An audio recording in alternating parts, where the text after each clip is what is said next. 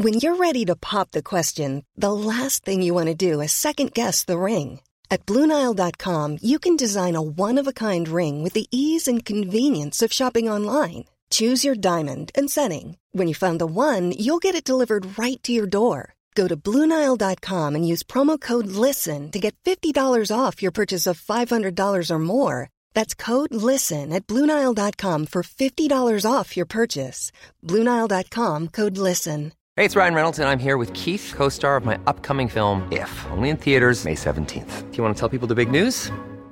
All right, I'll do it. Sign up now and you'll get unlimited for $15 a month in six months of Paramount Plus Essential Plan on us. Mintmobile.com slash switch. Upfront payment of $45 equivalent to $15 per month. Unlimited over 40 gigabytes per month. Face lower speeds. Videos at 480p. Active Mint customers by 531.24 get six months of Paramount Plus Essential Plan. Auto renews after six months. Offer ends May 31st, 2024. Separate Paramount Plus registration required. Terms and conditions apply if rated PG. Hi, I'm Daniel, founder of Pretty Litter. Did you know cats tend to hide symptoms of sickness and pain? I learned this the hard way after losing my cat, Gingy. So I created Pretty Litter, a health monitoring litter that helps detect early signs of illness by changing colors, saving you money and potentially your cat's life. Pretty Litter is veterinarian developed, and it's the easiest way to keep tabs on your fur baby's health right at home. Go to prettylitter.com and use code ACAST for 20% off your first order and a free cat toy. Terms and conditions apply. See site for details.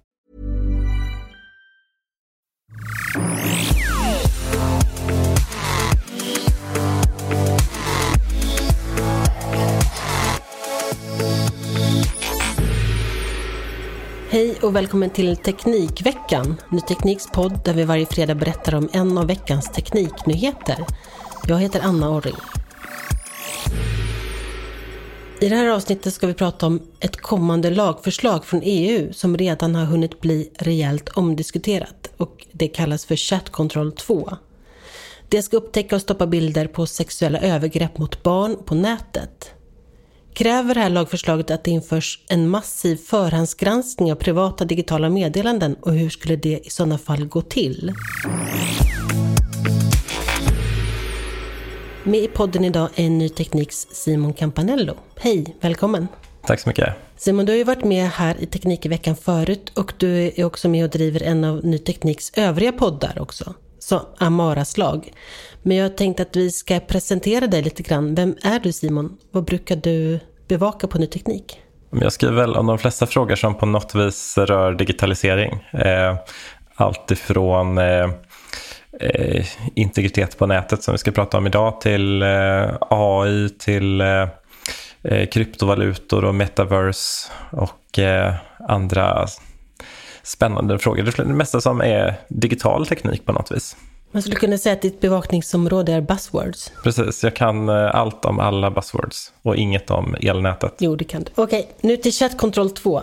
Det här förslaget har inte lagts fram än. Eh, när kommer det att ske? Vad vet vi om det? Det har skjutits upp flera gånger men nu verkar det som att det ska presenteras den 11 maj. Så det är om ett par veckor så får vi förhoppningsvis veta vad det faktiskt kommer innehålla.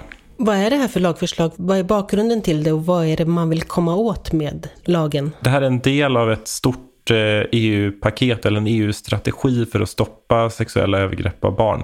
Eh, det finns åtta punkter som man håller på att genomföra eh, liksom från stötta offer till att hitta förövare. Ett brett och stort paket som presenterades 2020. Och just den här delen, Chat Control 2 som det kallas, där handlar det om att eh, upptäcka och stoppa sexuella övergrepp på barn på nätet och liksom stoppa spridning av bilder till exempel. Nu har ju förslaget då som sagt inte presenterats än, men vad vet vi om innehållet än så länge? Det har ju skett flera läckor från liksom, arbetsprocessen och vi vet ju lite grann vilka, vilka krav man hade när man gick in i den här utredningen. Och utifrån det så handlar det om att man vill kunna upptäcka spridning av sexuella övergrepp på barn även från liksom, eh, plattformar där det är svårt att göra idag, till exempel krypterade chatttjänster. Eh, där, där det liksom inte finns något bra sätt idag för polis till exempel att på ett brett och komplett sätt hitta spridningen. Så man försöker, man, man försöker hitta ett sätt att komma runt det här helt enkelt genom olika eh, tekniska lösningar som kanske inte nödvändigtvis specificeras i lagen men, men liksom man försöker ringa in ett sätt att eh, komma runt krypteringen, att eh, faktiskt hitta de här övergreppen. Och hur skulle det kunna gå till då med den tillgängliga teknik som finns idag? Ja, men de flesta som tittat på den här typen av förslag pratar ju om att det finns liksom en eh, om man vill göra det här i bred skala och eh, komma förbi de krypterade chatttjänsterna så måste man på något sätt eh, gå igenom innehållet redan när det ligger på mobilen eller på datorn. För det går liksom inte att fånga upp krypterade eh, meddelanden när de skickas över nätet och läsa av dem. Just, de är ju krypterade från eh, hela, hela transportsträckan till mottagaren. Och det här kallas eh, för client-side scanning, alltså att man gör en scanning på klienten och klienten i det här fallet är ju liksom din, din enhet, din mobiltelefon, din dator. Det kan handla om, om vi tar en, en eh, chattapp som WhatsApp där liksom meddelandet är krypterat på min telefon och det avkrypteras inte förrän det når din. Och för att kunna se vad jag skickar då så behövs det göras en sökning på min mobiltelefon innan det krypteras och skickas iväg. Du nämnde ju att det, att det har läckt delar av det här lagförslaget och eh, en läcka som du har skrivit om i en artikel vi publicerar idag, den kom ju i mars och då efter det så började det också komma reaktioner på förslaget. Vilka är det som, som har reagerat och som också protesterat mot förslaget? Det har ju kommit reaktioner liksom av och till under hela tiden som, man har, som EU har diskuterat den här lösningen. Eh, sen, sen, har det ju kanske inte varit några massiva folkliga protester, men olika organisationer som värnar om integritet på nätet har eh, höjt rösten mot det här. Och, och, efter den här läckan tidigare i år så eh, gick eh, organisationen EDRI ut, som verkar för eh, integritet på nätet, ut med ett öppet brev där de, de varnade egentligen för den här risken då, att det skulle ske en väldigt bred övervakning av eh, EU-medborgares telefoner och datorer. Det här brevet har sedan undertecknats av ett 40-tal organisationer. I Sverige har vi dataskydd.net som är en sån här eh, integritetsfrämjande organisation som har varit med och undertecknat brevet och de är också eh, intervjuade i artikeln som vi publicerade idag.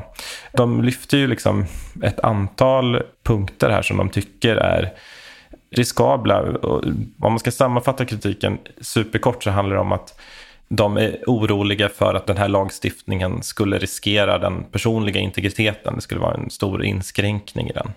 Och att det skulle leda till en slags massövervakning av alla våra telefoner och datorer.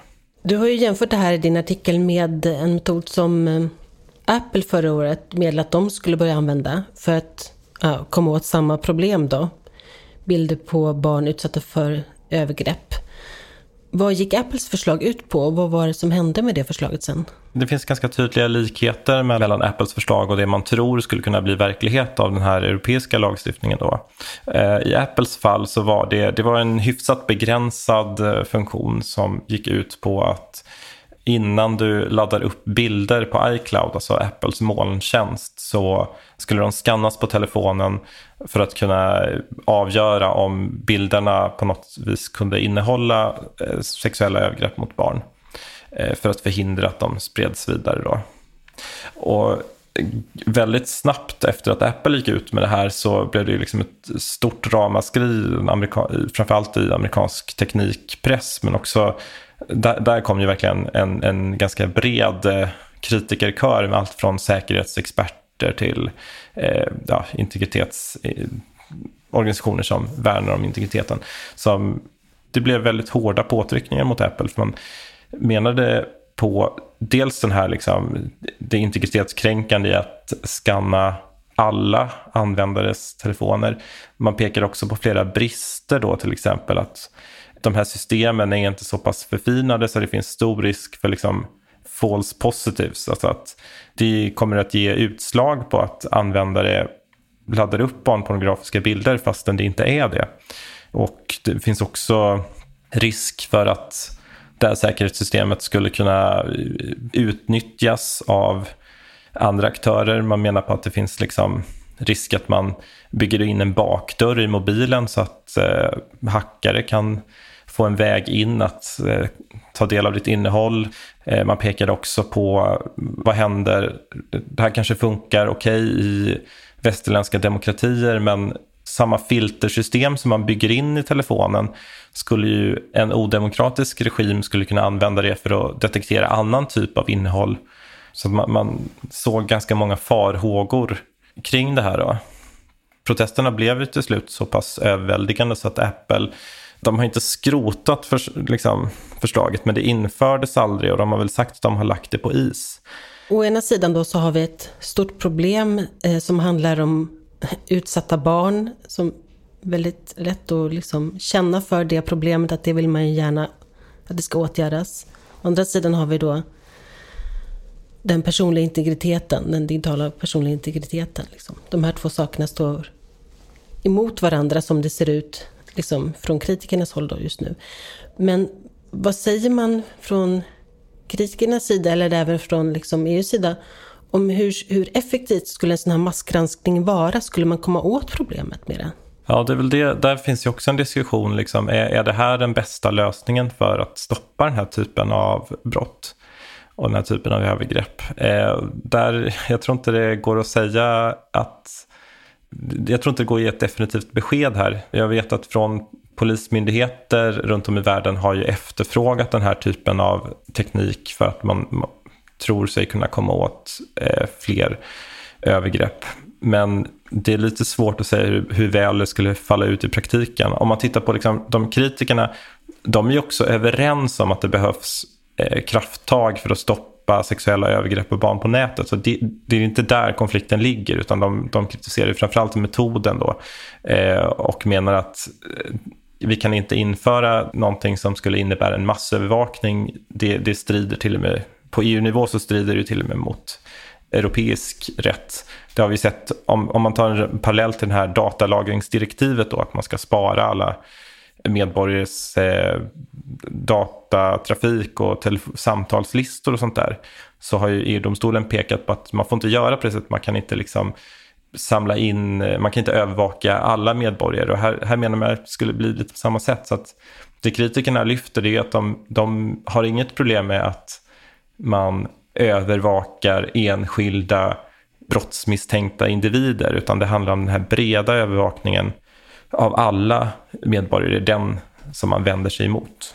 Finns det några alternativa förslag på hur den här typen av bilder skulle kunna begränsas på ett annat sätt? Någon bättre metod? Jag vågar inte svara på liksom specifika metoder där som man skulle kunna använda istället, utan det som ofta lyfts är att man vill fokusera på eh, brottsmisstänkta individer då, inte på liksom allmänheten på det här breda sättet. Det är den svenska EU-kommissionären Ylva Johansson, eh, som eh, alltså socialdemokratisk före detta minister, som är ansvarig för det här området inom EU. Vad säger hon om lagförslaget? Ja, vi har ju sökt henne för en intervju flera gånger under de senaste veckorna och har inte fått möjlighet till att prata med henne om det här och inte heller fått någon kommentar. Däremot har hon ju skrivit ett, eh, bland annat skrivit ett blogginlägg tidigare i år om frågan där hon liksom menar att det här är en extremt viktig fråga och möjligheten att kunna upptäcka eh, barnpornografiskt innehåll som skickas över nätet är väldigt viktigt och hon går så långt som att säga att kan man upptäcka förövare, kan man identifiera offer så kan man bokstavligt talat rädda liv. Så hon, hon lyfter ju liksom vikten av att det ska finnas ökade möjligheter här. Och pratar också om att, eh, skriver också i, i blogginlägget att hon vill se en teknikneutral lagstiftning som ska liksom kunna fungera både idag och eh, om tio år när teknikutvecklingen gått framåt. Både hon och EU lyfter ju liksom flera, de hänvisar till rapporter som visar att den här typen av brottslighet, den här typen av övergrepp ökar ganska radikalt. De hänvisar bland annat till en rapport som Eh, visar att anmälningar om sexuella övergrepp mot barn på nätet inom EU har ökat från 23 000 anmälningar 2010 till 725 000 anmälningar 2019. Så det är liksom en mångdubbling av antalet anmälningar som skett under en tioårsperiod. Vad är din bedömning, om du har någon just nu? Kommer ett sånt här förslag att gå igenom utifrån det vi vet? Det är jättesvårt att säga och i och med att vi inte har sett det färdiga lagförslaget utan bara alla reaktioner hittills kommer ju från liksom förhandsinformation eller läckta dokument. Så det beror nog mycket på hur det formuleras i det här förslaget som ska presenteras i maj. Då. Och eh, om det finns, eh, det ska ju godkännas av flera instanser inom EU så får vi se om det finns parlamentariskt stöd för det också. Då.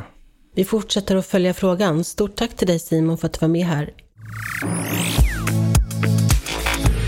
Innan vi slutar så ska vi gå tillbaka till det vi nämnde i början här. Att du är med och gör Ny Tekniks podd Amaras lag. Och på tisdag nästa vecka är det dags för nästa avsnitt. Vad handlar det om?